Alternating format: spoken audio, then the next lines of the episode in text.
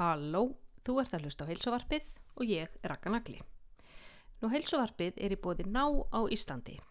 Mér langar að mæla með L-theanín en það er þinn allra besti vinnur ef streitan er að flæða um æðarnar. L-theanín er aminosýra sem er virka efnið í grænu tei og hún stöðlar að slökun í líkamannum með því að lækka streitustig og kvíða sangað hinnum virtavefexamin.com. L-theanín bætir sveppgæðin því tögakerfið verður mega chillað eins og unglingandi segja. Veit ég hvort þið segja það í dag, gerðu það allavega þegar ég var ung 1996. En L-theanín er samt ekki róandi lif, svo þú verður ekki eins og einhver uppvakningur. 100-200 mg á dag er nóg til þess að verða algjörlega sultu slök. Þú færð L-theanín í háverslun á bílsöfða nýju en þar færðu einnig spít og sundvatnað, næki íþróttaföt og þú færð allt gómsætta gúmulaði frá muna, þú færð eitt stærsta úrval landsins af návörum og svo getur þú skuttlað í þig góðum smúðing á hábarnum. Nú L-theanín er einnig að finna á heilsuganginum í Netto. Netto er einmitt líka stuðningsaðili heilsuvarpsins. Ég vil sérstaklega mæla með anglamark vörunum en þær eru ofnæmisprófaðar, svansvottaðar og umhverjusvænar. Og ef þú ert með skandinaviska snjókornahúð eins og ég sem verður bálreið ef krem eru ekki tandurrein, þá er anglamark þinn allra besti vinnur. E, ég mæli mikið með sólaverðinni nú þegar svo gula er að glenna sig á himninum. Ég nota 50 í vörn hér í Danmörku en verð samt alveg kaffi brún eða meira svona karri gul. Nú uh, Nökkvi Fjallar Orrason, hann er gestur heilsuvarpsins að þessu sinni. Nökkvi hefur verið áhrifavaldur í meira en áratug og miðlar af þekkingu sinni og reynslu og hjálpar fólki í gegnum sína miðla til að tilenga sér betri heilsuvennjur eins og að lesa fleiri bækur, hugleiða, æfa, e, mataræði, föstur, betri svepp, öndunaræfingar, betri tengsl við fólkið okkar og ég veit ekki hvað og hvað. Nökkvi fjallar ætti að vera flestum kunnugur, hann stopnaði svæp, hann stopnaði áttuna, þannig að hann hefur verið mikið í sviðsljósunu og er aðtapna maður mikill trátt fyrir ungan aldur. Nökkvi er búsettur í London þar sem hann er að þróa nýtt app fyrir áhrifavalda sem heitir Mintsýr og hjálpar þeim að halda utanum sín verkefni og samstörf uh, við fyrirtæki. Og ég er mitt sjálf að nota þetta app og meiri segja ég miðaldra húsmáðurinn gæt lært á það. Við nökkvi eigum ótrúlega margt sameigilegt og gætum tala saman í marga daga. Þannig að drægiði fram glósubækur og blíjanda því nökkvi hendir á okkur ansi mörgum góðum verkfærum fyrir heilsulífið í þessum þættum. Gjöðu þessu vekk.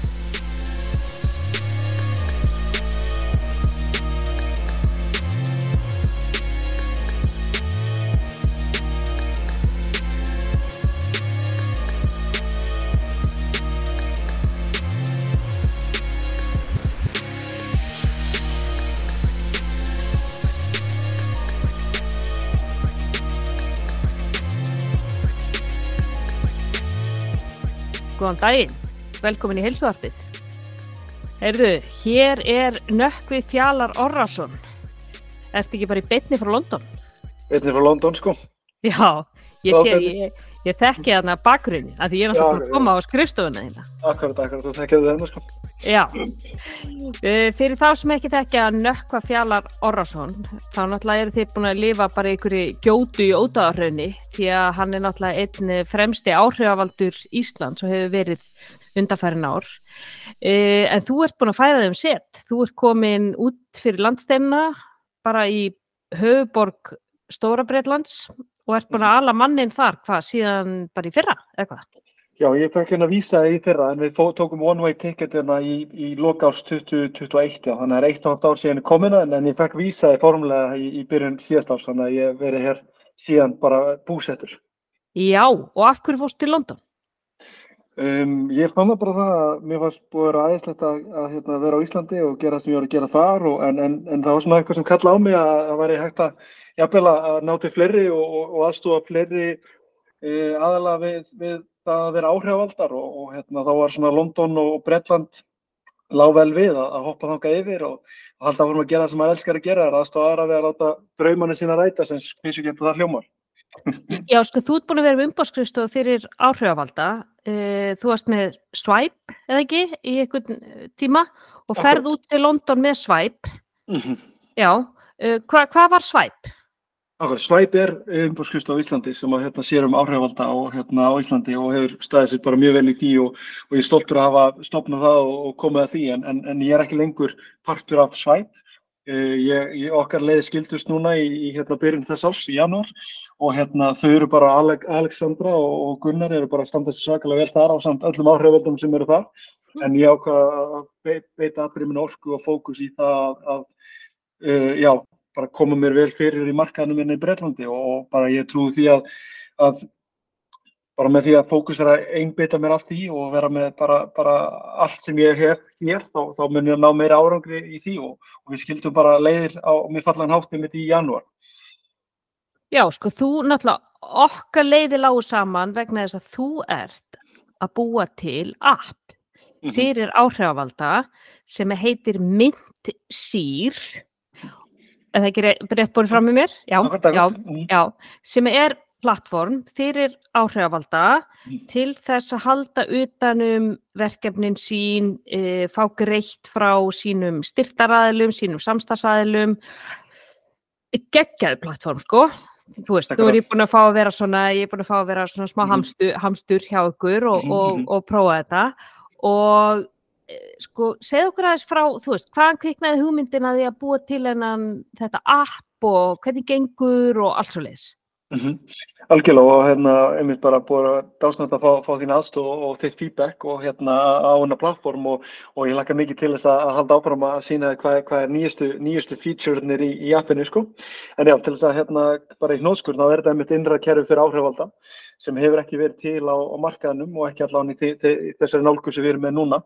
Uh, það er vandamál á markaðnum að áhrifvaldar eru oftast í öðru sæti þegar kemur bæði að Um, já, þegar kemur að fyrirtækjum og líka bara bransanum yfir höfuð, þú veist að allar þessi plattformarinn úti eru mest með skerðir fyrir fyrirtækinn til þess að nálgast áhrifvalda sem verður flott, það er bara mjög, mjög flott að vera með laust það. En það var ekkert engin alveg plattform komin uh, á markaðin sem er bara innbyttað sér að því að fókusera á áhrifvaldana og þjónusta áhrifvaldana.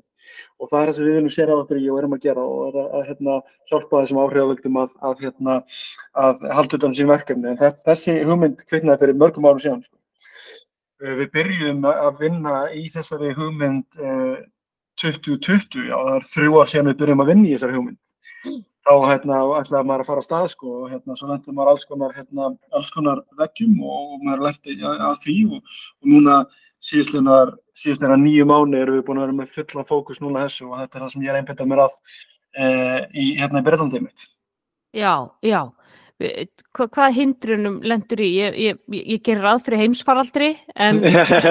Já, það var ekki trubla okkur þess við, við náðum ekki, við náðum þetta ekki að nota það sem sem, hérna, sem afsökun náðum ekki sko ég var svona, lág vel við hann sko, en, en það var bara að finna réttu aðeina til að smíða þetta með okkur sko uh, það hérna uh, fórum í alls konar tilröðinu með það að, að fá einhvern að getur uh, executa þetta og það var bara ekki alveg þeir aðlar sem, að, sem að eru góður í því sem þeir eru að gera en, en, en voru ekki alveg að, að við vorum ekki að ná sama með nálgunin á þessu og gerðum nokkara tilraunir til þess að búa til þennan plattform en, en hérna en aldrei, aldrei nógu bara var, við vorum ekki nú ánað með uh, útkomuna og hvernig, hvernig það var sko. Þannig að það tók að sinn tíma að finna réttu aðluna til þess að koma að þessu uh, til þess að geta til liðverað uh, því sem við erum að segja og líka bara bara fyrst og fremst að taka, taka, taka ábyrð á því að, að maður læriði á ferðalæginu að sko geta komið hugmyndinu sinni fram, á framfæri. Það er náttúrulega mikil líklatriðan og ætla ekki benda á, á þá sem komu að þessu og, og gátt ekki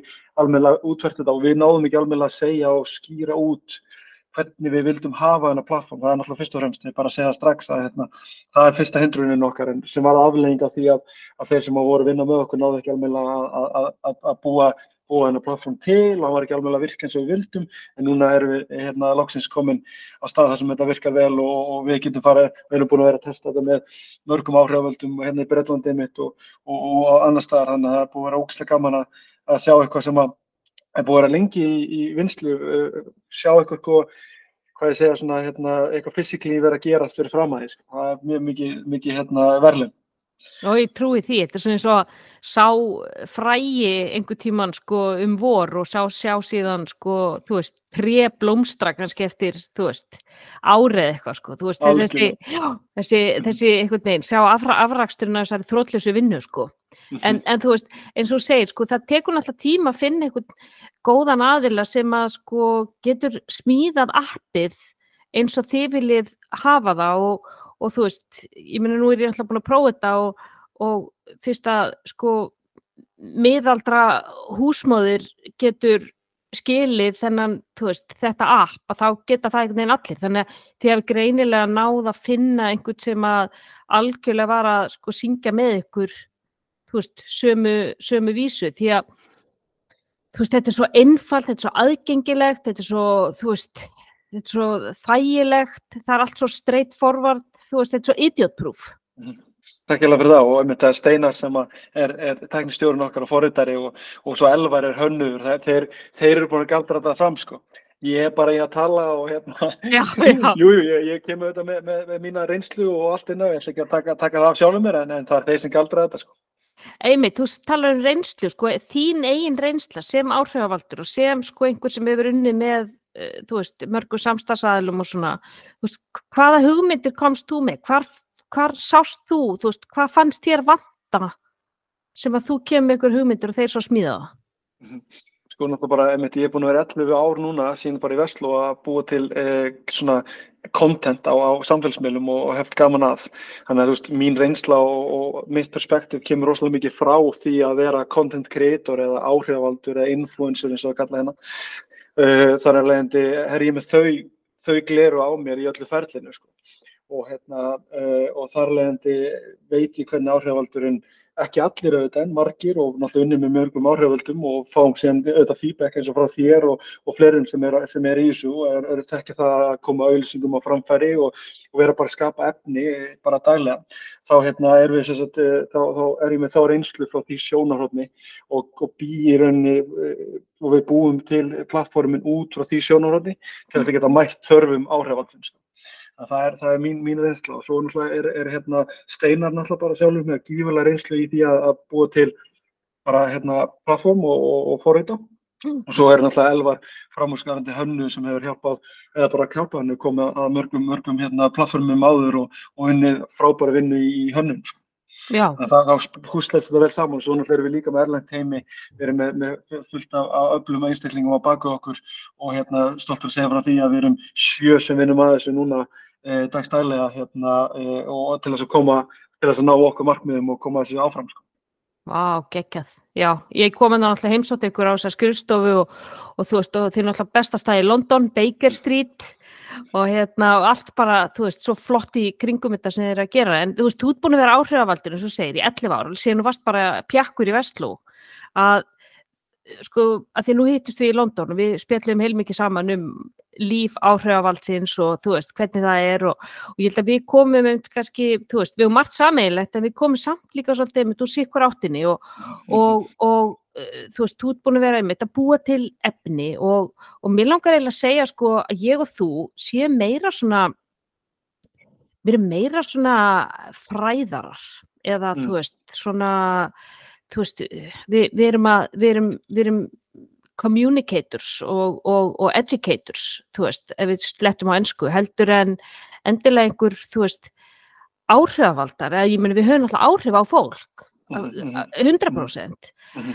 en, en mér finnst þeim sko, þú veist, allt sem að þú ert að gera, þú veist, hvernig er best fyrir þig að, þú veist, optimæsa, að þú veist, betrum bæta svefnin þinn og hvernig er morgunrútínan þín og þú veist, þetta eru bækurna sem ég er að lesa og hvernig getur þú lesið hraðar og þú veist, allt þetta. Og, og einmitt ég sá eitthvað, eitthvað postfræðurinn á Instagram þar sem þú veist, tala um, þú veist, þú veist, með svona, með svona morgunkörfu Já, já, já. Mm -hmm. já, ég, sé, já, já ég er með svona night routine basket, þetta er kvöldrutinu minn, kvöldrutinu minn. Og svo, svo, svo, svo körfi sem er, er rauninni allt dóti sem, hérna, sem ég er að fara, eða stöðin sem ég er að fara að vera í og, og íþróttudóti mitt allt saman. Nákvæmlega, þú veist, og það er nákvæmlega bara, veist, þetta er það sem ég er búin að gera í 25 ár. Mm. Fötin, taskan, allt skal vera tilbúið að kvöldi því Mhm. annars er ég ekki fara að mæti rættin kl. 6 á mótana, skilur, þú veist, ef ég þarf að fara að leita einhverjum sokkum kl. 5.45, ég meina bara glemti þessu, Hausinn er alltaf að finna afsökunum sko. það er nóg mikið afsökun fyrir. ég veit það, þú veist, ógeðslega pyrraður og bara, ja, glemdu þessu, ég er ekki fara að gera þetta. Þannig að, þú veist, mér varst þetta svo geggja þessi karfa, ég bara, ó, ég tengið svo mikið, en þú veist, þú, þú, alveg segja að þú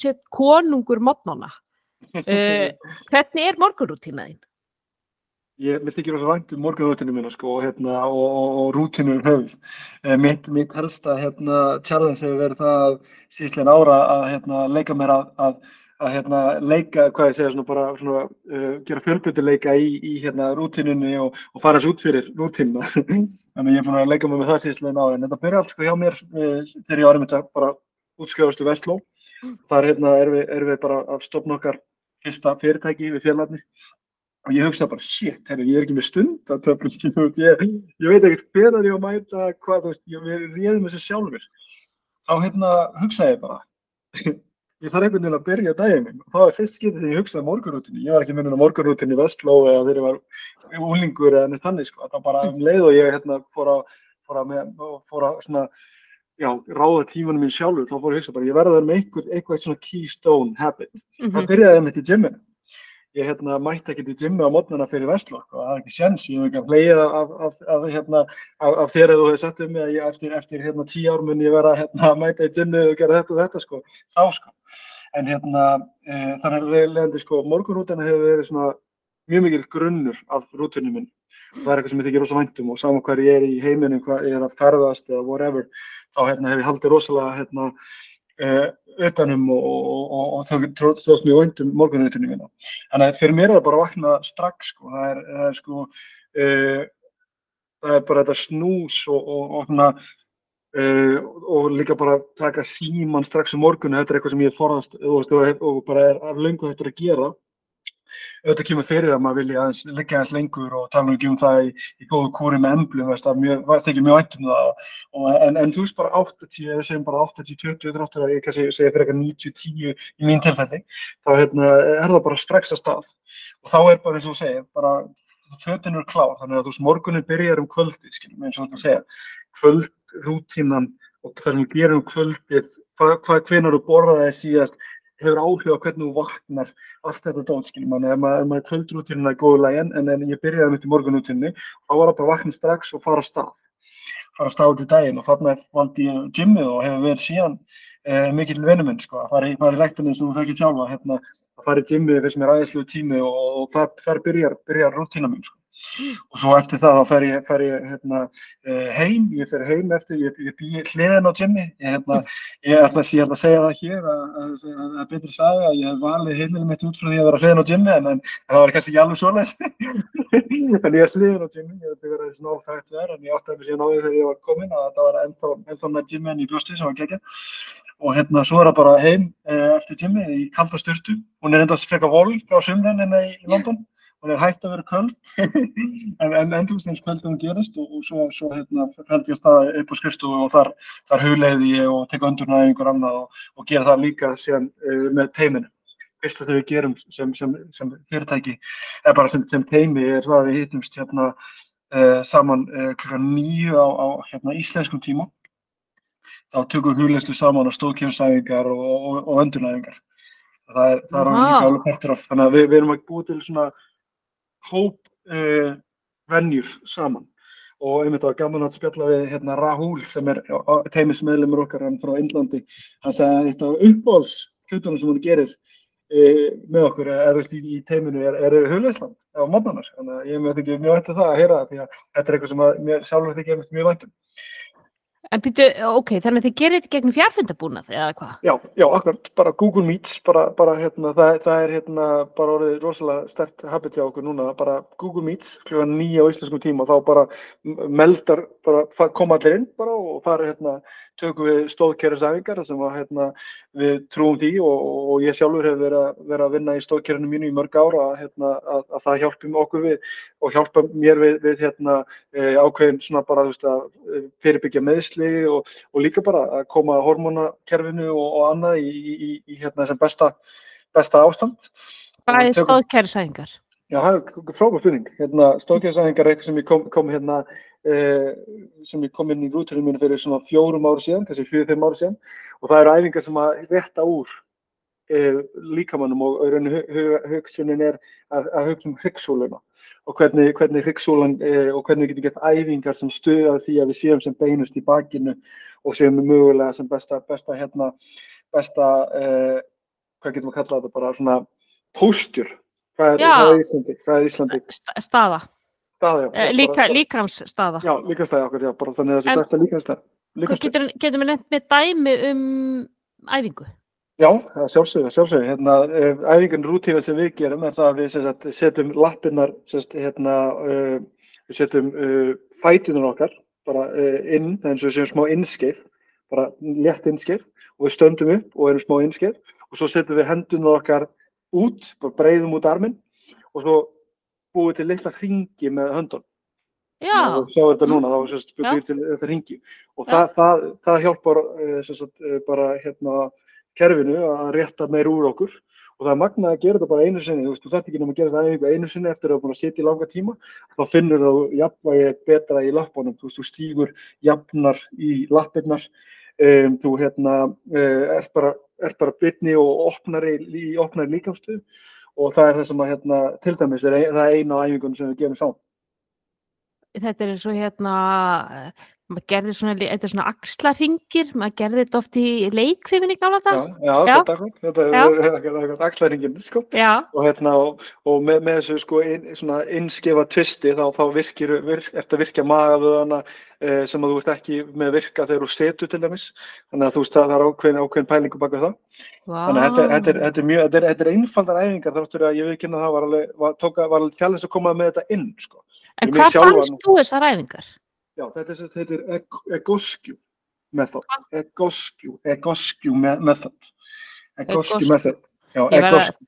Ég verði að láta þið senda mér þetta, ég seti þetta í show notes. Akkurat, Já, Egoscue Method og þetta er eitthvað sem ég hérna datt á uh, þegar ég mætti á seminar uh, hjá Tony Robbins. Ah, vinniðinum Tony Robbins. Já. Tony Robbins sem er alltaf fyrir, alltaf fyrir sko og, og reglulega í prógramun hans sem að þú veist, þú situr í hérna 15 klukkutíma í, í, í hérna ráðstefnu sal eða bara stadium, hann er rauninni komin bara í, í stadium size sko, þannig að þú ert bara í einhver arena hana í, í 15 klukkutíma og þá eru er við að taka poster exercises inn á milli. Ok. þar, þar, þar læri ég þetta og fer síðan að koma þetta inn í, inn í mitt, mitt líf og, og núna hefur verið að gera þetta með teiminu og það er líka vel við. Ok. Og gert í mörg ár, gert, þetta líka með svæp á sínum tíma og, og svona þannig að, hérna, þetta, hefur verið mikið partur af rútíninu. Já, heyrðu, ég verði að prófa þetta. Sérstaklega þetta með að vera innskif. Ég er svo hræðilega útskif Mm. og ég er svona orðin svona líka svona, þú veist, svona pronated sko, þú veist, þar sem ég er svona, ég fer út á jarkan á, á fótónum sko, en ég þarf að vera meira innskif, þannig ég ætla að potta þetta, ég ætla að googla þetta. Mm. En- en-? Mm. En, en hvað með hérna hugleiðsluna? Hva, hvað er það að taka, hvernig virkar hún? Mér, já, hugleðsla er, ef það var eitthvað sem ég myndi mæla með fyrir uh, bara hvert sem er, mín, mínum að þú sama hver það er, þetta er henni, uh, margt, uh, það er margt í, í, í svona hlutum skilur með venjur og, og náttúrulega rútínu og annað sem að hendar kannski öll, en ég myndi klárlega mæla með það fyrir alla, eins er þetta að, að segja þetta orð, og það er ekki margt sem á við alla, en ég að lega mér að segja það sem nánast hvert sem er sem myndi benefitast af því að, að, hérna, að huglega og, og fyrir mig þá tek ég hugleðslu sjálfur uh, þegar ég mæta skrifstofan og það er hugleðsla sem er guided uh, meditation, getur guided meditation á YouTube og svo erum við náttúrulega líka svo er hægt að vera með fullt af uh, appum í dag, plattformum sem eru heita Calm eða Headspace eða eitthvað svona en ég kýst að nota hérna sagt uh, YouTube og það er annarkvært priming sem er með mitt hjá Tony Robbins, heitir priming Tony Robbins. Eða hérna sem sagt uh, Satguru líka meditation hans heitir Kriya og, og svona. Þannig að veist, ég, ég tek einhver meditation í svona 10 mínútur til 15 mínútur fyrir eftir hvað, hversu lengi, lengi sem, meditation er. Og þá er ég bara að hérna uh, basically uh, það sem að hugleðslega gengur út af í hnótskurni er rauninni bara að vera hér akkurat núna Mm og æfingin er sko, veist, þetta snýst ekki um að vera hér akkurat núna eins lengi og þú getur, heldur þetta er áttað á því að hugurinn er, er farin eitthvað annað. Mm -hmm. Þannig að þú veist, um leið og ég áttam á því, ég hættir að hlusta á, á meditationið og er bara hugsa hvað ég ætla að borða eftir, skilu, Já. þá, þá, þá, þá er æfingin, það er beautiful í því, sko. það, það er tilgangur með æfingun að koma svo tilbaka. Já, ná í, já, þetta er svo repsin. Þetta er eins og ef þú væri bara að taka bí, svo myndir bara halda honum hérna uppi. já, Það já, er ekki þess mikið, þetta er, þetta er að taka niður, sleppa, sleppa hérna spennunni og Já. svo spenna aftur. Þetta, er, er svo æfing bara fyrir hausin. Hvað Og- gefur þetta þér? Akkur segir þú veist, þetta var allir sem myndu njóta góðsæði, af, af, af hverju? Af, hvað gefur þetta þér? Það, sem það gefur mér er, er aukin einbytting og mér finnst einbytting og fókus er svo rosa mikilvæg sko, ég er ekki að tala um eitthvað bara einbytting bara til þess að geta bara eitthvað hérna e, bara til þess að geta lesið lengur eða unnið lengur, þetta bara, bara hjálpa mér aðeins að, að vera meðvitaðar um fókusum minn og einbyttingum minn, hvert er ég að einbytta mér? Þegar ég kannski hérna eitthvað kemur, kemur upp á eitthvað gerist og hérna og maður er alveg að skamma sig, skamma sig, skamma sjálfa sig alveg svakalega fyrir að hafa klúrað einhvern þá er ég fljótar að grípa mig ég fljótar aftur mig bara, hei, wow, nakka, þú ert búin að vera hérna núna bara, hérna áður fyrir var það kannski búin að vera í tvo daga að skammast, skammast sjálfaði fyrir að hafa klúrað einhverju hægi hérna, þegar maður er veslu og klúrað einhverju hægi eða einhverju sæta stelpu, skilju, þá bara, þá var maður bara í tvo daga Já. ánýtur að, að skamma sjálfaði, sko, en núna í dag, sko, er það þannig að maður er einhver, þú veist, eitthvað, þú veist, bara, hvað, hvort það sé einhver, einhver fundur eða eitthvað sem gekk ekki nóg vel, Mhm. þá, hérna, þá er maður fljótar að grípa og átt að sjá, hei, ok, sleppum takinu þessu, þannig að þetta er það sem þetta gefur mér í rauninni í, í svo mikið, sko. Og þá líka náttúrulega bara hérna hafa, hafa vísindin verið að, sína fram á það og, og það er sett svona heilaskanni á þig. Og einstaklingur sem er meditator og er duglegur að meditata, þá eru sumar heilastöðar stærri. Það er stækka eins og vöðvar, þannig að því að, að, því að veist, e, við þekkjum náttúrulega vel bara það að stækka, þú veist bara, og lifta Mhm. og stækka vöðvana og hugsa um hvernig, hvernig þeir, þeir geta verið og þeir, ef þú- æfir, vöðvana ákveðin hátt og stækka er ákveðin hátt og svoleiðis, þetta er saman með heilan og ákveðin ástæðan fyrir bendi hérna á, á enna á mér út af að, að það er prefrontal cortex sem er Mhm. framheilin á okkur. Mm. hann, það er ákveðin stöð í honum sem stækkar við eh, meditation. Og það er ekki eina leiðin til að stækka, ég er ekki að segja það. Það er margar leiðir til að stækka þetta og æfa þetta eins og margar æfingar að koma mismunandi markmiði. En, en hugleislega klárlega eh, ein af þeim og, og hefur hjálpað gífilega mikið við þetta. Og þetta náttúrulega ef, ef að þessi heilastöð stækkar eins og ég segi þá er einbyttingin eh, betri og sterkari og þar leiðandi getur uh, minkað stress og minkað kvíða annað þegar þú áttar á því hvenar þú ert að finna kvíðan.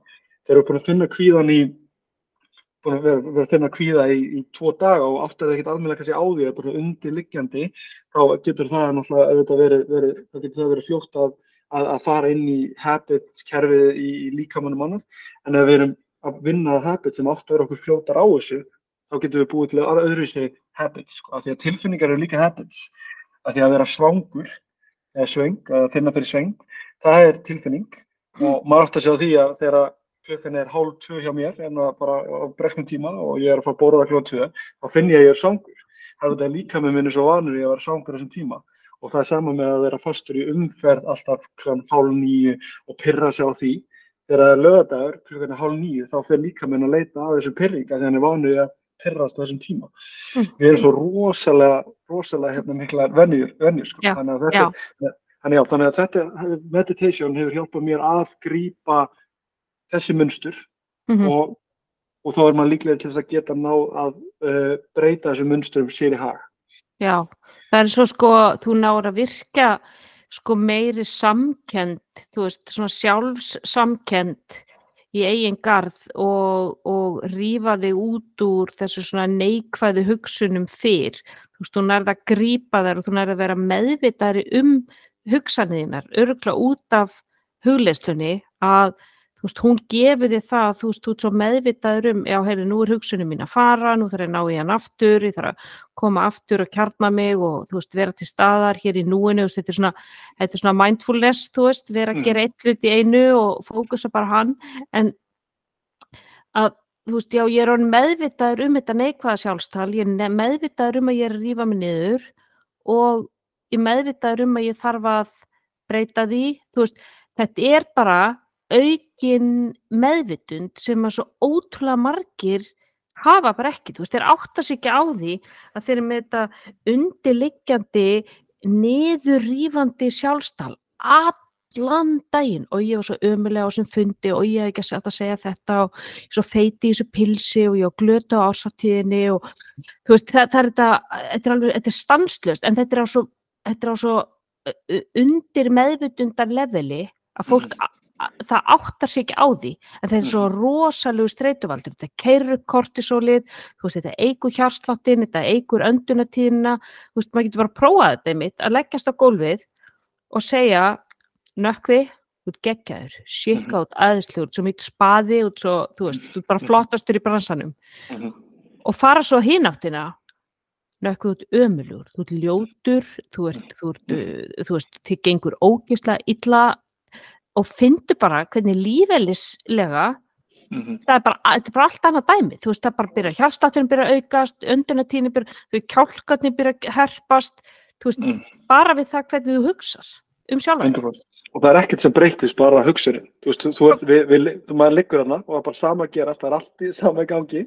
Já. Nefnum bara hvernig þú tala við er það sem breytist, en það er allt inn í þér fyrir að breytast. Já, og, og fólk áttar sig ekki á því og það er Já. einmitt, þú veist, og getur ímyndaður ofan á, þú veist, stress og, og þú veist, verandi í vinnu og, og með börn og þú veist, allt að, þú veist, bæta þessum streituvaldi onna sem er svo auðvelt að þú veist, þetta er einhver streituvaldi sem er fullkomna stjórna, þú veist, þú getur svo auðvelt að breyta honum.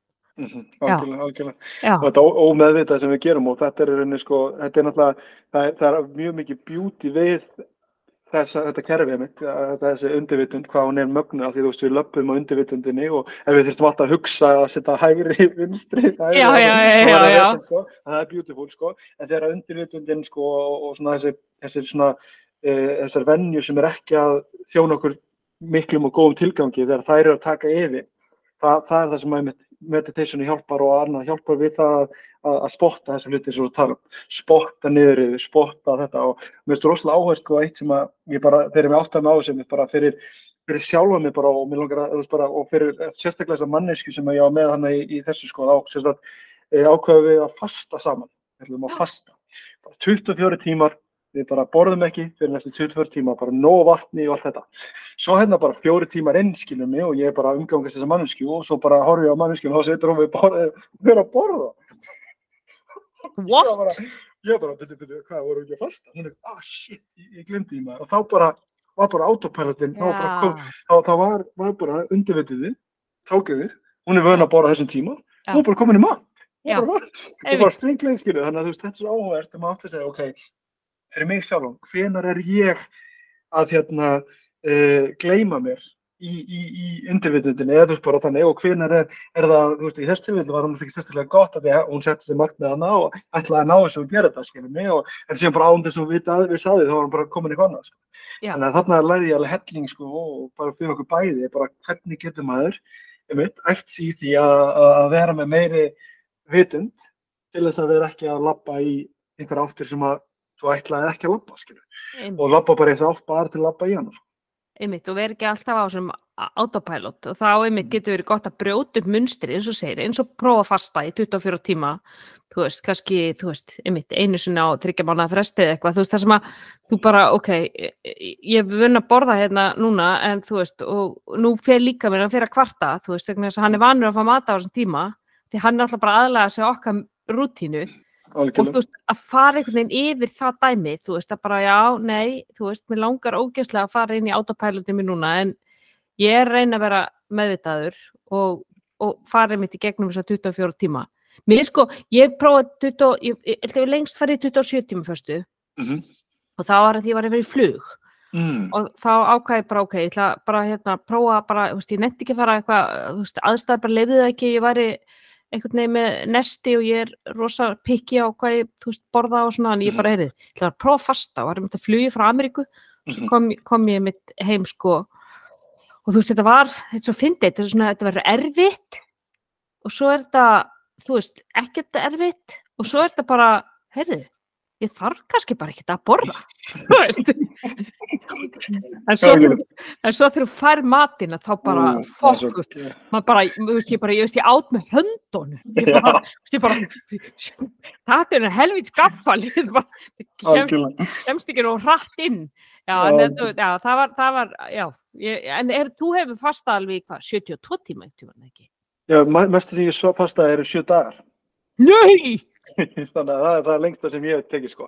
Og þegar þú varst að lýsa þessar tilfinningu hann, þú veist, þú veist, það er margar, ég, ég, ég það bara gæfur ykkur að ég átt rosalega fallegi moment og, og hérna, og bara, bara, ég get bara fu- fullt upp svo mikið af, af, af blessunum í mín lífi, en þetta er alveg á top 10 sko. Þegar ég borðaði eftir sjö daga og, ég á með sko hópa góðu fólki kringum mig með mér annars sko, og þú veist, bara þau, þau munu eftir þessu mómenti þegar ég er að borða sko og fannst það bara trillt sko, þetta var, var, svo, var svo rosalegt sko. En að það, já, líka sko, það, það kemur inn sko bara líffræðilega var ég bara að, fúl, bara að fá, fá inn mat sem var náttúrulega bara gott og svo emotionally var þetta líka rosalega magnað því þá var ég svo ánægð með að hafa náð þessu. Já, Þetta var ekki erfitt e, fyrir mig persónulega því ég hérna, þjálfa mig mjög verið gísu skilur mig og hérna, hef, hef fast það mjög mikið í gegnum tíðina og hérna síðslega ár. Fyrstu fymtaðinni voru bara gott challenge. Síðustu uh, tveir voru rosalega heavy challenge. Já. Sérstaklega síðustu, síðustu hérna, sólarhingurinn. Í rauninni er bara síðustu tólf tímarnir eh, voru, voru mögulegt erfiðasta, mögulegt erfiðasta sem ég hef, hef gert. Mm. Eh, og hérna það sem að ég var bara í þannig steiti að ég gætt farið út og hlaupa, ég var farið, ég var brjálast orkumikil, sko. ég hef getað farið út og hlaupa og ég hef getað hlaupa eftir kind og, og, og, og borðað hann, sko. þú veist, ég var það, sko. Þetta var líka allt En þú hefði náttúrulega verið bara að hlaupa eftir henni til að geta hana, sko. að- það er einu ástæð, þess vegna var ég orkumikil, þetta er náttúrulega líka minn var bara hann að garga og Já. adrenalín annað. Adrenalínu í botni, sko, því að þú veist, hann er bara jettumadur, hvar eru Já. hittaðningar? Algjörlega, sko. og, og svo hausins og skemmtilega í þessu forferðni sko, hérna, það er einmitt svona bara átta tímar eitthvað ég er að fara að borða og ég ætlaði svo, svoleiðis að borða á þessum tímpunkti sem að ég ætlaði að borða og var búin að vera með fólk accountable með mér og svona skilum mig þannig að það er átta tímar hann til að ég var að borða. Þetta er þess kvöldi áður sko og hérna eiginlega komið nóttin áður að því ég átti sverið sem að sofna. Og hérna þá hérna þá hugsaði ég bara, herru, ég fer bara í skeifuna í hagkvömm og ég kaupi bara eitthvað, það er enginn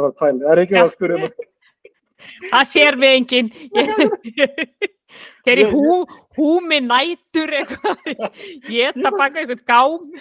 ég fæ mér bara eitthvað smá, það er enginn að að taka því. Nei, En það, ég svo ánægð með það að hafa í rauninni leitt og bara leitt þessum hugsunum að raunni í gegn í stæði fyrir að bara tengja mig við þar og fara í rauninni af því að mómenti hefði aldrei orðið svona fallegt nema hefði verið fyrir það að hafa unnið fyrir þessu og þess vegna er svo mikið talsmaður þess að vinna fyrir því sem þú ert að gera og þú veist, þú ert ekki að fara overboard eða þú ert ekki að fara eitthvað fara eitthvað í eitthvað burnout fyrir að vinna fyrir einhvern hlutum, alls ekki, ég er ekki bara take care of yourself, þú veist, Já. bara og, hérna, og hugsa vel um, um heilsuna og það er fram með öllu, en að vinna fyrir einhverju er alveg beautiful hlutur, sko, mínum að ok, líkil spurning. Hvað borðaðir eftir þessu sjö daga? Ég hef einu sinni held í lífinu mínu borðað þetta og það var þarna. Ég hef ekki borðað þetta aftur. Ég, ég þóri ekki að borða þetta aftur held ég af því að þetta var svo geggjað.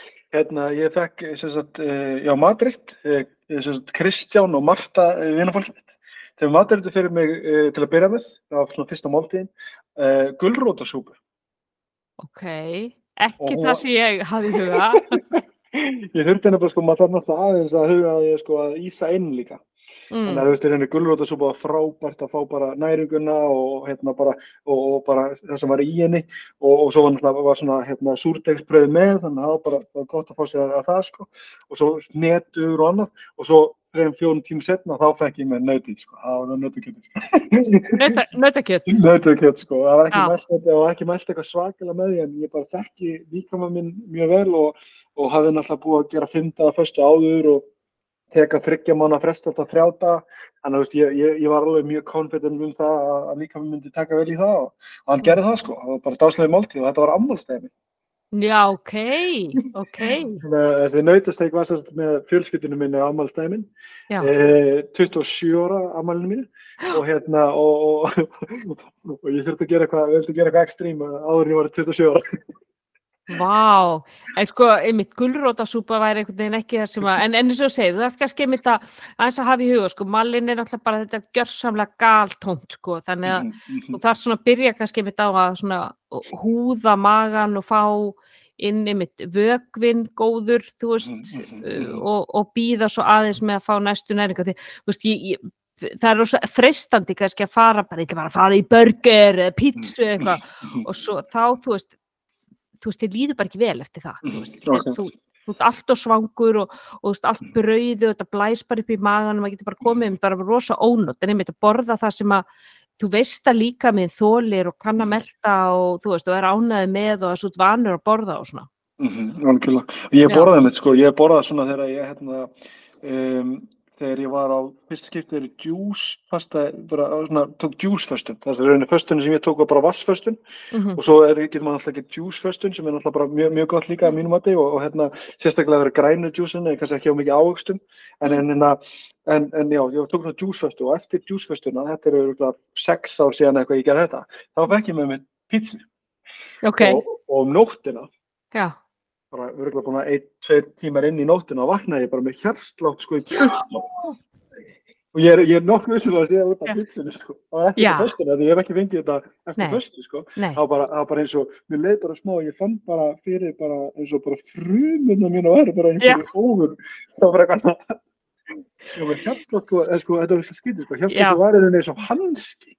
Það var bara það var var eins og þetta var svo hófin á mér væri að, væri, væri að hérna, það meira eitthvað þannig, mér finnst það mjög sérstak ég hef ekki kannað hvað þetta var eða með þannig. Nei, með örgla bara, þú veist, fullt af salti, kvei, kveiti, þú veist, allt sem að, einmitt, en var þeir ekkit heitt? Jú, bara þetta var, þetta var mjög óþægileg þegar ég nótt og ég náttúrulega bara daginn eftir hugsa bara ég ætla aldrei að fasta aftur. Nei, það var, það var, það var minn, minn, hérna minn Já. hugsun sko. Já, ég hugsa þetta er föstunni já, það nei, það- þetta er það sem þú borðaðir. Já, alveg, svo nokkur, svo nokkur, nokkur með einu ári sér eða tve- tveimur eða eitthvað, þá hérna fór ég að- kynna mér þetta betur og leika mér með föstu og áttaði mig á því að fastan var ekkert að valda þessu sko. Það skiptir máli hvað hvað, hvað brýtu föstuna, það, það skiptir máli velja vel, velja vel það, sko. En þú veist, maður þekkir þetta líka, maður hefur borðað á mikið. Ég man eftir einu skipti þar sem ég fór á jóla, svona júlifrokost inn í Danmörku og Danirnir eru alveg þekktir fyrir að þeir nota rosalega mikið salt í matnum og þeir hafa verið ámyndir fyrir það sko af uh, Europasambandinu að, að þeir nota, saltmagnið er allt og hátt í, í matnum og Mm. ég var ekki búin að búa hérna lengi og við förum í svona júlifrokost og ég vissi ekkit almennilega hvað þetta var og hjálpast það væri bara svona jólahlaðbor á Íslandi en þá er þetta allt öðru þessu, þú fær svona, þú veist, þetta er, þú fær svona síld og, og lax og eitthvað bla í forrétt og svo kemur eitthvað, þú veist, fleskistæ og, og eitthvað svona, þú veist, hérna, svínakjöt og eitthvað svona í setni rétt og svo er desert einhverju viðbjóðslegir ostar og eitthvað Mm. ógeð og þú veist, þannig en, en sko allt svona fiskidót finnst mér alveg ekki og þú veist, og við borðum á brauð með þessu svona og ég borðaði með alveg gjörsamlega felguna sko. Og e, um nóttina ég bara, ég man ekki eftir svona nótt sko, þannig að þá var bara saltið í matnum. Mér langaði að rífa mig úr skinninu þú veist, mér var sko ég, ég, sko, ég löður svitnaði, mér var svo ógeðslega heitt. Og mér leið bara einmitt nákvæmlega svona eins og þú lýsir þessu, mér leið svo ógeðslega illa, mér var svo mikið hjarslátt og, og einmitt mér var það svo eirun á mér þú veist, það var var svo heitt og það var sláttur í eironum þú veist, uh, það er það, þú veist, þá einhvern veginn, matur getur farið bara í mann og breytt bara þú veist, hvað maður getur valdið alveg rosalegri vanlíðan Mhm, Algjörlega sko, þetta er náttúrulega bara, þetta er eldsneiti okkar og, og mér finnst bara að margir sem vita sé eldsneiti okkar, mér finnst flest allir vita af því að þetta hlýtur að vera, við erum að setja þetta ofan í okkur, þetta heldur okkur gangandi, en það eru rosalega fáir sem mér finnst sko átta sig almenn láði að, að hvað það er að setja ofan í sig sko, þú þú ert actually að setja þetta inn í líkamæðin og líkamæðin er að vinna úr þessu drastli sem að þú getur verið að, ég skilu, þetta er alltaf að fá með sér inn á milli og ég ger alveg líka og, og mér finnst gott að, gott að hérna, hafa fjölbyttilega í þessu alltaf en, en magni af, dóti sem að mjög margir sem að ég hef, er, er, er í kringum mig og, og eða, þú eh, svona, sem að þekkja og svona, það, það er rosalega magna að átta sig á því að, að bara þú veist, svona, að pæla í því hvað þetta er sem er ekki að setja ofan í sig. Já, nákvæmlega. Og talandi um það, hvernig er mataræðið hjá þér? Mataræðið mitt er, er, myndi ég segja, sko, fjölbreytt, uh, vil ég meina, um, og hérna, um, náttúrulega beigist mikið á þessari föstu sem því það að ég fasta í, í svona fjóra til sex tíma á hverjum einsta, þú veist, þess, ég borða í fjóra til sex tíma glugga, þannig að þetta er Mm. átján til 20 tíma sem ég fasta, ég, ég, Wow! En já, það er bara alltaf, alltaf það sem, er, sem að, hérna, það er rauninni bara þannig að ég borða svona milli svona kannski 1 til 7, það er glugginn en oftast er það milli 2 og 6. Það er svona, þetta er, Borðar ekkert eftir æfingu? nei, ég bara, ég æfi bara snemma morgunin og hérna, og bara fer sem bara stað, sko. Bara alveg, að dýrum eftir. Og- þetta kindum, ég hlaupa þetta kindum. Ekki til að geta þér. Nei, það var, það okkur. En býtu, ok, þannig að þú, þú æfir elstæðamótana og borða þá ekki til hvað, fjórum, fimm tímum setna? Sko, ég, er búin í rektinum bara svona rétt fyrir sjö á. Já, Þannig að við erum að tala um hvað, 12, 5, 6, 7 tíma ég bara. en ferðu þér ekkert eitthvað prótín eða BCAA eða, Nei, ég tek bara kreatín með hérna vatninu mínu á mótnana. já, Ég er búin að gera það í smá tíma núna bara, ég raunin bara þrjá mánuði núna, þetta er ekki eitthvað sem, þetta er fyrst skitt sem ég er að nota kreatín að veiti, ég er bara, hérna, uh, þjálfarinn minn uh, vildi endilega sjá hvernig myndi, ég myndi vera á kreatíni. hefur aldrei Og- notað kreatín? Ég nota kreatín sko örgulega of mikið að því og ég var, var mjög vaknar á því hérna sagt í Vestló og þá held allir ég var að styrum, þannig að ég hætti á þessu kreatín. Mér varst það alls, ég vildi alls ekki að fólk myndi halda það sko, maður var alveg bara með ímyndin alveg bara, hérna, maður ma, ma, hérna, skítrættur um ímyndina sko, en ekki Já. það, það er bara, hver veit, maður hafa það bara eins og þau vilja sko, en, en þannig að það lendi hérna hætti á kreatín. Hefði verið með svona kreatín alltaf bara, ég verð vatnaður á þessu, ég verð vatnaður á þessu, ég verð alltaf eitthvað breyður á þessu. En núna ákveði ég að vera opinn fyrir þessu aftur og hérna, að búin að vera að nota þetta núna í þrjá mánu, held ég. Já. Bara kepkan vel við og bara þessi sprengikraftur annað og hlaupum og annað bara, ég er kraftmeri, sko. Uh, Já. En, að það er allan, það, það er mjög ákveðt. Já, ég, með, ég er búin að nota kreatín í mörg, mörg, mörg ár. Ég, ég verð aldrei vötnuð. Ég nota alltaf kreatín monohydrate. Eh, sko, ég notaði einu sinni sko blanda kreatín. Varstu þá að nota blanda kreatín? Þú veist, svona kreatín blöndu.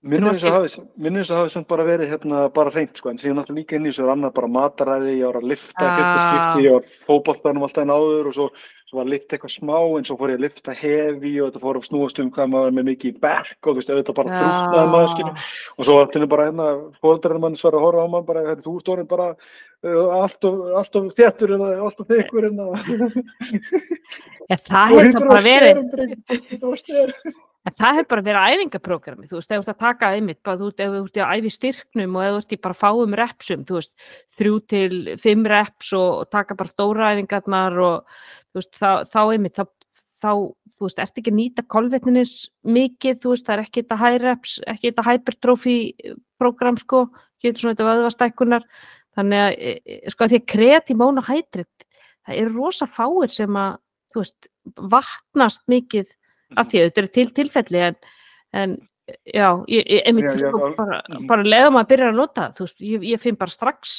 bara búff, allt í hennu Mhm. bara fleiri reps eða get bætt í þingdir og Klálega, sko, ég er búin að er mjána með, með þetta núna og, og ætla að halda, við halda þessu áfram, sko, og hérna, og maður átt að sjá því, sko, að maður náttúrulega bara, þú veist, það er, ef þú einangrað, þú veist, að því það var svo margt sem ég var að gera þannig þegar ég var 19-20 ára þegar ég var að byrja að lifta, skilur mig, margt annað sem ég var að gera, mataræði og annað sem var í gangi sem gæti að hafa vatnað mig, sko, en ég kendi bara kreatinni um þetta, því það var bara svona auðvöld þessi leiðin, sko, á að kynna mér það, sko, þannig að Einmitt. það er klart mál að gegja að hafa, hafa opna hugan fyrir þessu aftur og, og bara ég ánægði með, með að þjálfarinn minn púsaði mig hérna til þess að, hérna, til þess að prófa þetta því hann, hann var mjög samfærum með þetta, við hjálpum hann í, í, í sprengikraft og annað og það er klárlega að hjálpa mér í því sko.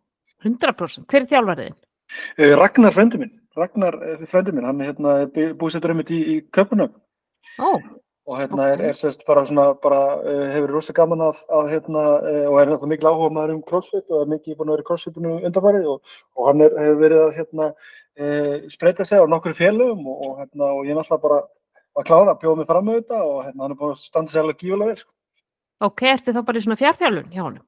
Já, hann bara Já. hendur prógrami, prógrama mig fyrir vikuna og hérna og, og, og hefur bara, einmitt verið bara, bara staðið sér mjög vel í því sko. Bara mjög gaman að, hérna, að, að, að fylgja prógraminu og, bara sjálfur eftir fluttina til London þá hef ég ekki verið, þá hef ég bara verið á, á prógrami sjálfur. Mm. Ég hef verið með þjálfari gennum tíðina, mér finnst það alveg æðislegt og, og ég mæli svo heiklust með að vera með þjálfara því að þú veist, þjálfarinn segir ekki einu reppi meira heldur en þú hefur gert einn sko. og það er bara telur alveg ótrúlega mikið sko Já, og eða bara, bara, ég ætla kannski ekki nota eins og orðið ótrúlega, bara það telur trúlega mikið, það er bara Já. actually trúi. já, já, já, nákvæmlega, já, Og hérna, þannig að það, það er bara, bara, bara mjög gott. já, já. En ok, þannig að þú, þegar þú brýtur svo föstuna, þarna eitt, eitt litið, Já, hvað færðu þér? Þá er sko, fyrst að það er bara þessi hefbundi háldegismatur sem að, ef þú segir um hefbundi, þá er ég bara að tala um fyrir mig, er það bara kjúkningur, mikið, ég er bara mjög mikið kjúkling, þess að það er mjög gott. Um, egg getur líka verið mjög stett og ég er oftast bara með egg svona bara, set bara fjör egg á, í, í, hérna, á pörnuna og, og skrambulaði og teka bara síðan bara nánast upp á pörnunni sko, þegar, sérstaklega þegar ég, þegar ég er heima. Uh, svo hefur verið að notast við sko eitthvað sem heitir núti, það heitir hérna prep kitchen. Já, er það svona, svona máltíðaþjónusta sem að...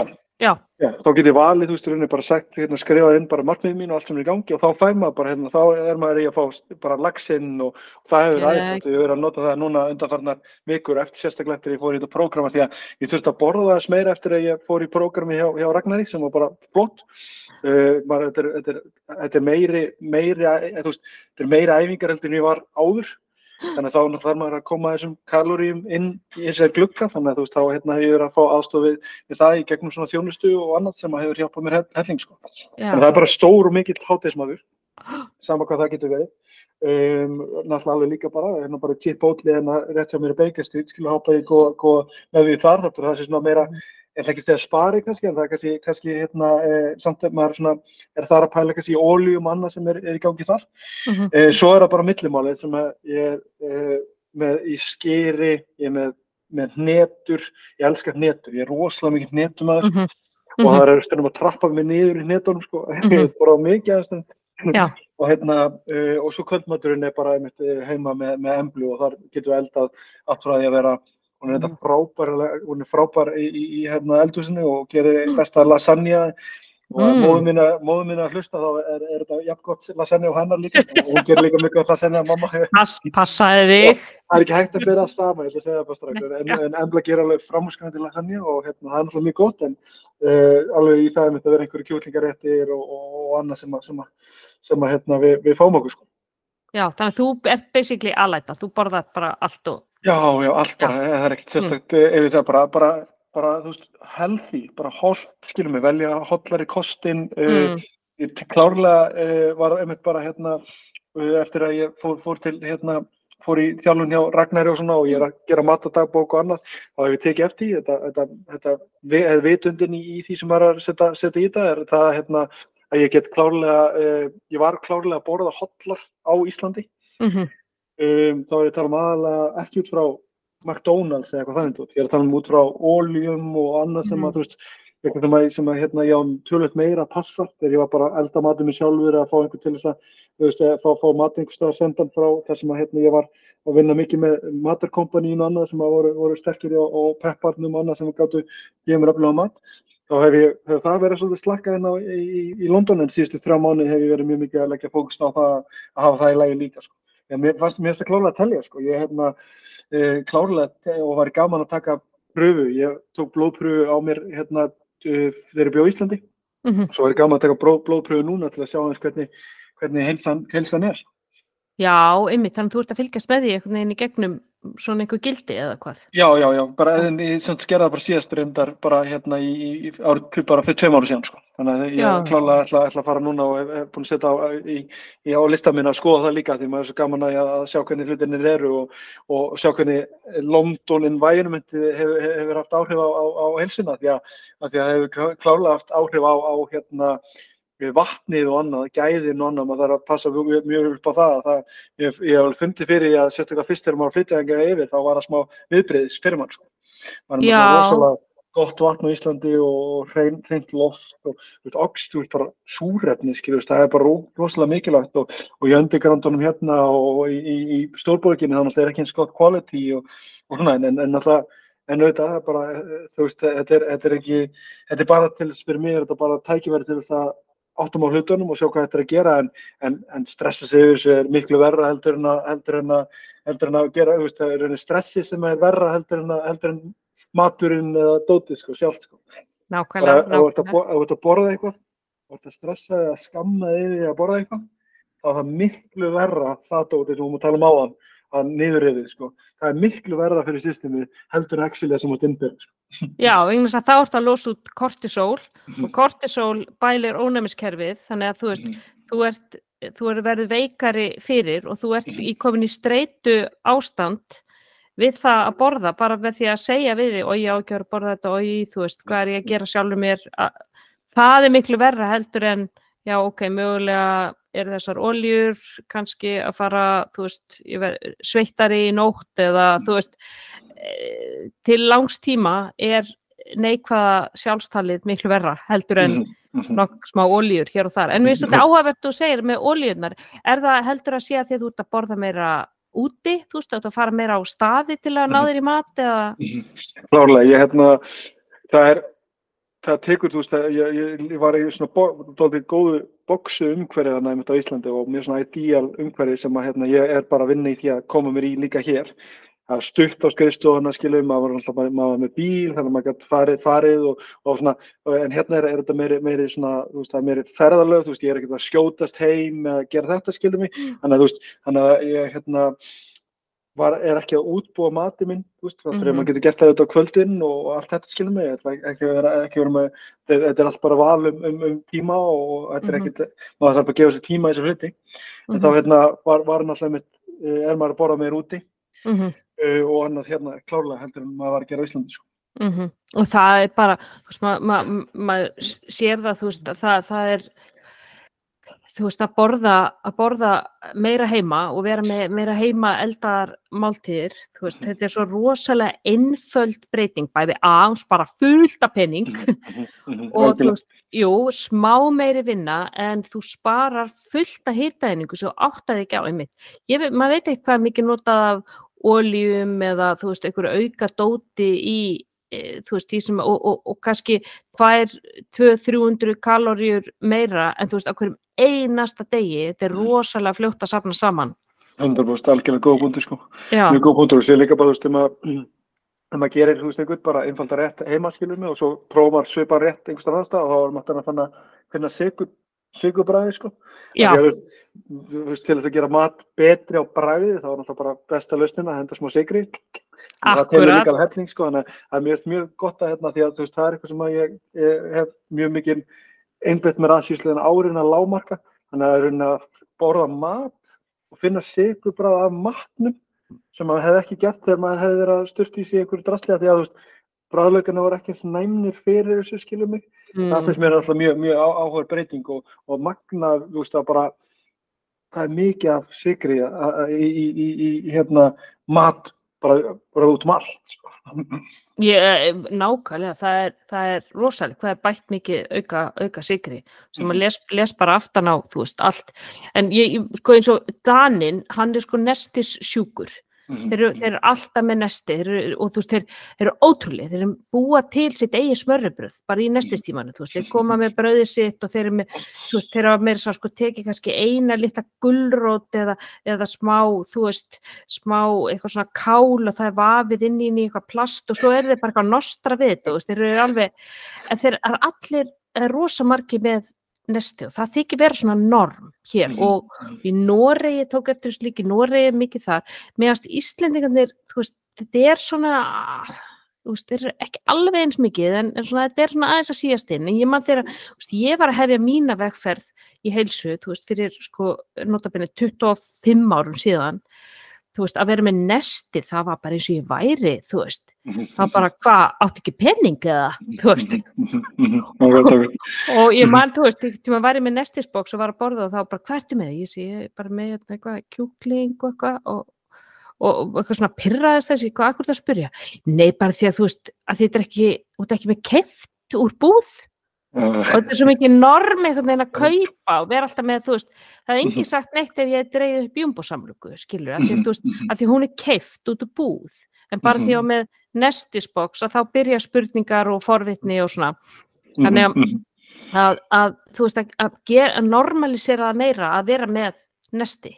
Klálega, það er bara, og eins og þú segir, bara borðað heima breytir, eða útbúa matin heima er rosalega mikið leikil, eitt af leikiladröfum í, í helsu sko og, hérna, og mikið, mikilvægt að hafa í huga sko. Já, þú veist hvað fer í þetta og svona. En, mm. veist, en hvernig æfingar er hann Ragnar Frændiðin látaði gera? Hann hefur verið að láta mig taka svona þessu stóru æfingar sko. Mándagar eru, eru, eru hérna lappir, það fer í hnepiðuna og í tettið og, og svona sko og hopp og ímyndlegt. svo hérna á þriðutum erum við með kassa og, og hérna trís, það er leiðandi svo ekki kannski mikið stórum æfingum þar endilega, en þú veist það er handlóðar í bekknum og, og hérna þröngt grip í, í hérna trísnum og, og, og skölkrössurinn gamli góði og þetta. Mhm, mhm. Svo er ég í jóka á miðgutum, þannig að það, það er bara, er, mér bara- það er aðeinslegt. Ég hérna, e, þykir vænt um jóka eða því leitum til að það er líka hugleisla. Það, það er Mhm. Rauninni, e, og það er mindfulness sem að, maður fyrst og fremst er að sækja þar. En svo er líka náttúrulega gott fyrir líkamann að, að, að, hérna, það er svona secondary gott að, að ná tegjum og annað. Mhm. Svo á, á 50 þannig að áðan þá var ég hérna að taka bak, sérst, var þá mikið í upphýðingunum. Ég hef ekki verið mikið aðdáðandi upphýðinga genn tíðina. Ég var, snöggur að hérna sem úlingur og, og í fótboltanum að það var eitthvað ekki sem að væri fyrir mig. Og Er það ennþá- fannst þér er- erfiðar? Fannst það erfiðar og mér fannst bara einhvern veginn bara eitthvað að ég er svo stór og þungur maður, miklu erfiðar fyrir mig að vera eitthvað tóa mjög uppöldur fyrir þig, þú veist, það var bara Ja. eitthvað skrítið skrítið mindset. Og ég er ennþá alveg við ekki það, ég er ennþá alveg að díla við það bara í til þess að í morgun í uppbyggingunum, þú veist, þá er ég, að- það, það, ég þarf að fara í uppbyggingana, sko, það er æfingarna sem ég þarf að pína mín, sko, ég þarf bara, bara að keira mig í þar, sko, en ég gera það og bara vanur ég að gera, en, en, en mér er ekki ennþá tekist alveg alveg að finnast það skemmtilega, sko. ertu að vinna með dauðar eða þú veist Já, hann eh, lætur mér fara sko chest to bar, þannig að hann taka hann upp sko. Og það Mhm. er bara, eða sérst hérna með þetta grip og svo líka hitt, hitt gripi sko. Hann já yfir, yfirhanda yfirhandagrip og undirhandagrip Já, hann, hann er sérst hérna að elskar að pína mig sko, hann þekkir mig vel sko, hann hendur inn tveimur, hann hendur inn tveimur, hérna, Teimi variasjónum. Já, akkurat sko. Þetta er þetta er svona passaði að kvart ekki sko, þá kemur þetta doppul í baki að þau. Algjörlega sko. Og svo, svo hérna er það bara hérna, um, svo er það, hvað heitir æfingin aftur hérna, um, maður er að draga bara, bara bakaæfingi sem maður er hérna með uh, Ró- stöng, róður. róður, róður, róður, Já. róður og hérna svo líka er, er með bísæfingarnar í, í já, uh, taka bísæfingar og svo á, á föstu dögum er eitt af mínu uppáhalds, ég veit ekki alveg hvað það hefur verið í gennum tíðina en ég er alltaf gaman að taka, taka axlir.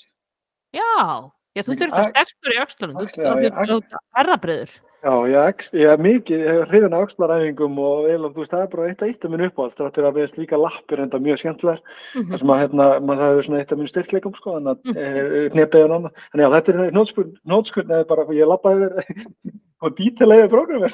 Já, já, já, Ná- þetta er svona typikal svona bodybuilding split program, Mhm. heyri ég, já, já, svo hann mig líka að spretta á, á lögðasmótnum. Og Já. það er eitt af reyndar, eitt af mínu uppáhalds, hefur reynda verið lengi, sko, ég hérna sem sagt á lögðasmótnum, Mm. mm. síðan ég fluttið til London, þá hef ég verið að hlaupa á office á lögðasmótnum Mm. og það hefur finnst það mjög gaman, það er 5 kilometrar, mm. eh, 5 kilometrar hlaup sem ég bara hleyp eh, frá heimilinu mínu eh, og í garðin hérna rétt hjá, tegja eins og bara inn í bara office, Mm. þannig núna er rauninni hleyp ég í, í hérna eh, Regents Park sem er rétt hjá, Mm, mhm, uh, spretti þar, mm. tegi og svo bindin office, þannig að það er eitt af mínu uppáhaldsæfingum. Svo er sunnudagurinn uh, meira bara þá, þá er það piknik með, með emblu og það er, það Já. er bara svona létt hreyfing í, það er ekki að liggja upp í sófa allan daginn, alls ekki. Nei. Ég var þar, ég var þar að taka sex daga alveg kyrslu og svo lág ég upp í sófa í sólaring sem ég sko. Já, Ég er hættur því sko, það er meira balans núna, það er meira, meira hérna, miklu meira, meira balans í æfingum.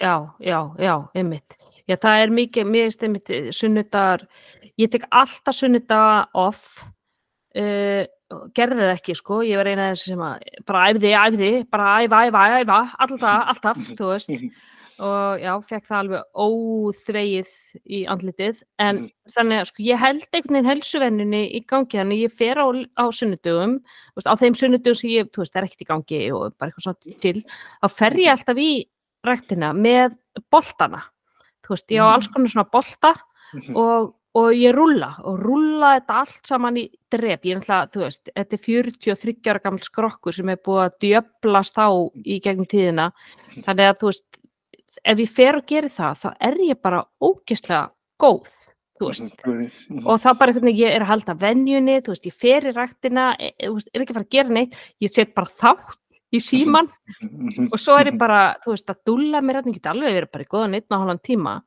en þú veist, einmitt að leggjast þér fram á sjónvarpið og bara liggja heilan dag í sófanum, þér líður bara ógeðslega illa mándi.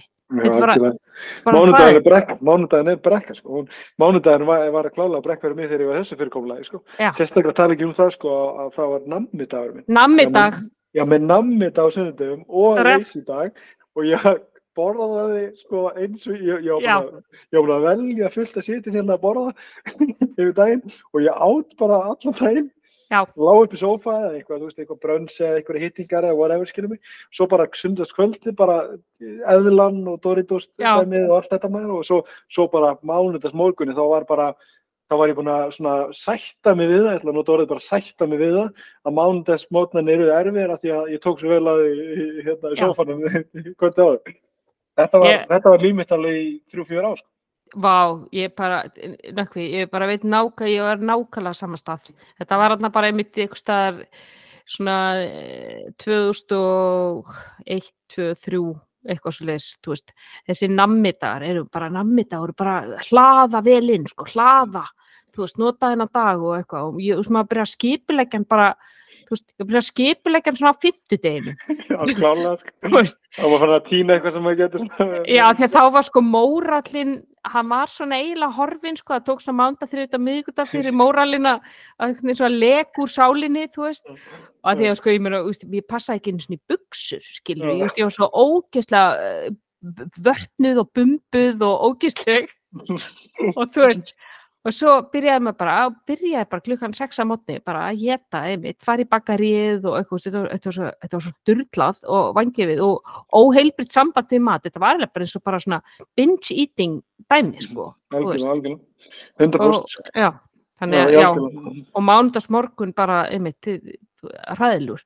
En, en uh, þú veist, hvað myndir segja, væri svona þínar, þú veist, að þið talaðir um svona svona key habits og þú veist, ég heyra að þú lesið sem bækur ég, James Clear og svona. Uh, þú veist svona uh, topp heilsuvenjuna þínar. Þú veist, hvað er svona alveg bara steipul heilsuvenjur á þínum degi? Mhm, þú veist, það sem er bara þú veist, ef ég gerir þetta, haka í þessi box þá á ég bara geggjaðan dag. Mhm. Ég myndi segja að það væri að vakna á svipum tíma alltaf. Líka þegar tengdist þessum sunnudegi þá svaf ég út, skilur mig, þú veist, og, Mm. og hérna, allt þetta skilur mig og það riðlaðist rosa mikið svefnrútínan. Þannig ég myndi segja, sko, er nummer eitt, þegar við erum búin að tala, taka, taka hann svolítið vel fyrir. Hugleislega væri, væri hérna, uh, allan í topp, topp uh, 5.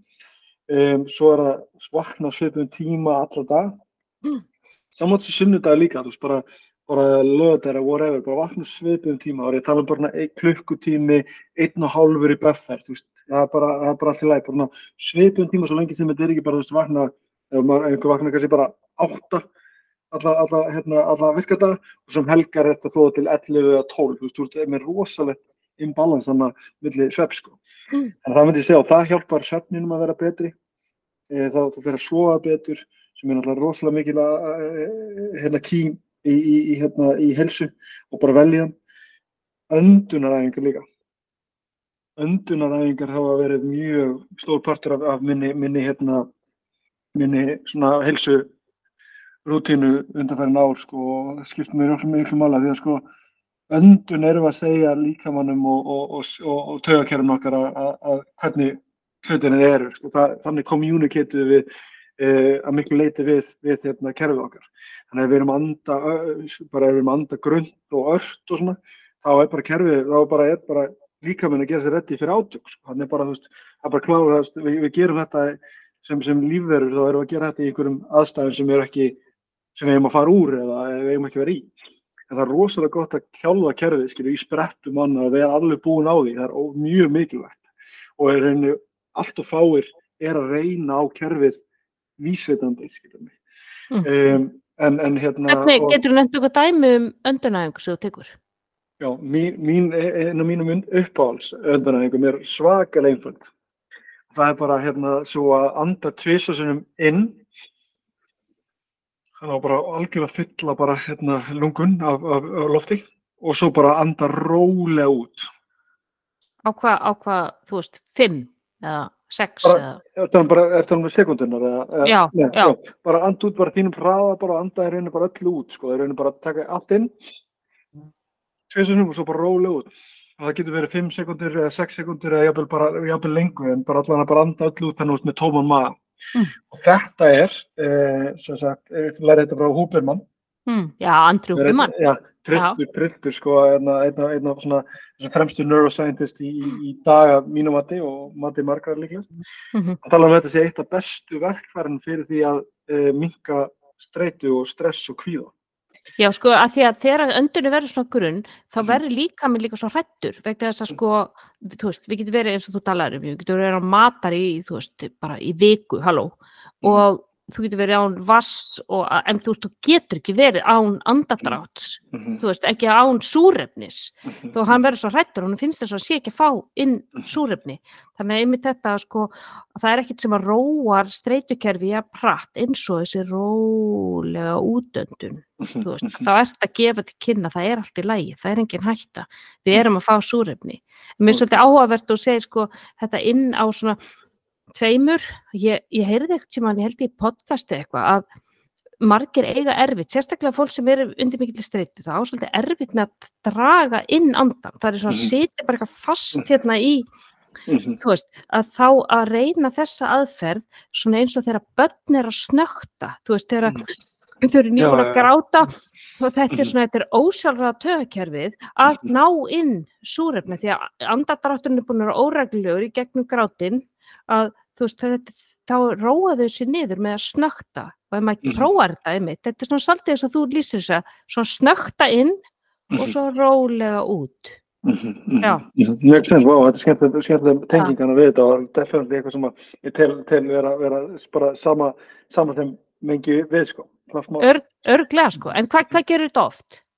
Veist, Um, þetta, þetta, já, Já. þetta er bara til og með, þetta gerir bara yfir daginn, þetta er bara þegar ég bara þrísvar kannski einu, fjóru sem einu, þetta gerir bara svona inn á milli. Og sérstaklega Mm. bara, þú veist, bara ég, ég hérna, myndi segja, ég lifi svona lífi sem er mikið tempo og, og svona, þá er talað um sko, um, þú veist, þetta er mikið af fundum og, og, og hérna, maður er að taka stórar ákvarðanir og, og áhættur hér og þar og, og þú veist, þetta er, ég er ekki að lifa sérstaklega comfortable hérna, e, lífi myndi ég segja, skilja, en þáttur ég bara þakkláttur og, og hérna, gæfur ykkur með líf mitt og gæti ekki lifa betra lífi en, en, en það er ekki sérstaklega, það er ekki áreynslu laust, þannig að það, er gott að taka, vera með svona verkfæri þegar maður er búin að, kannski búin að vera í 12 klukkutíma uh, upp á office að- sinna Mm. einhver verkefnum eða einhverjum, einhver þannig málum sko.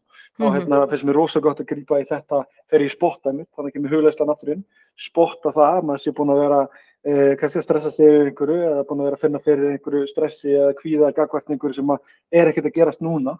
Mhm, þá hérna er gott að grípa þessar sko inn á milli. En, en það er öndurhæfingu sem ég gerir með teiminu.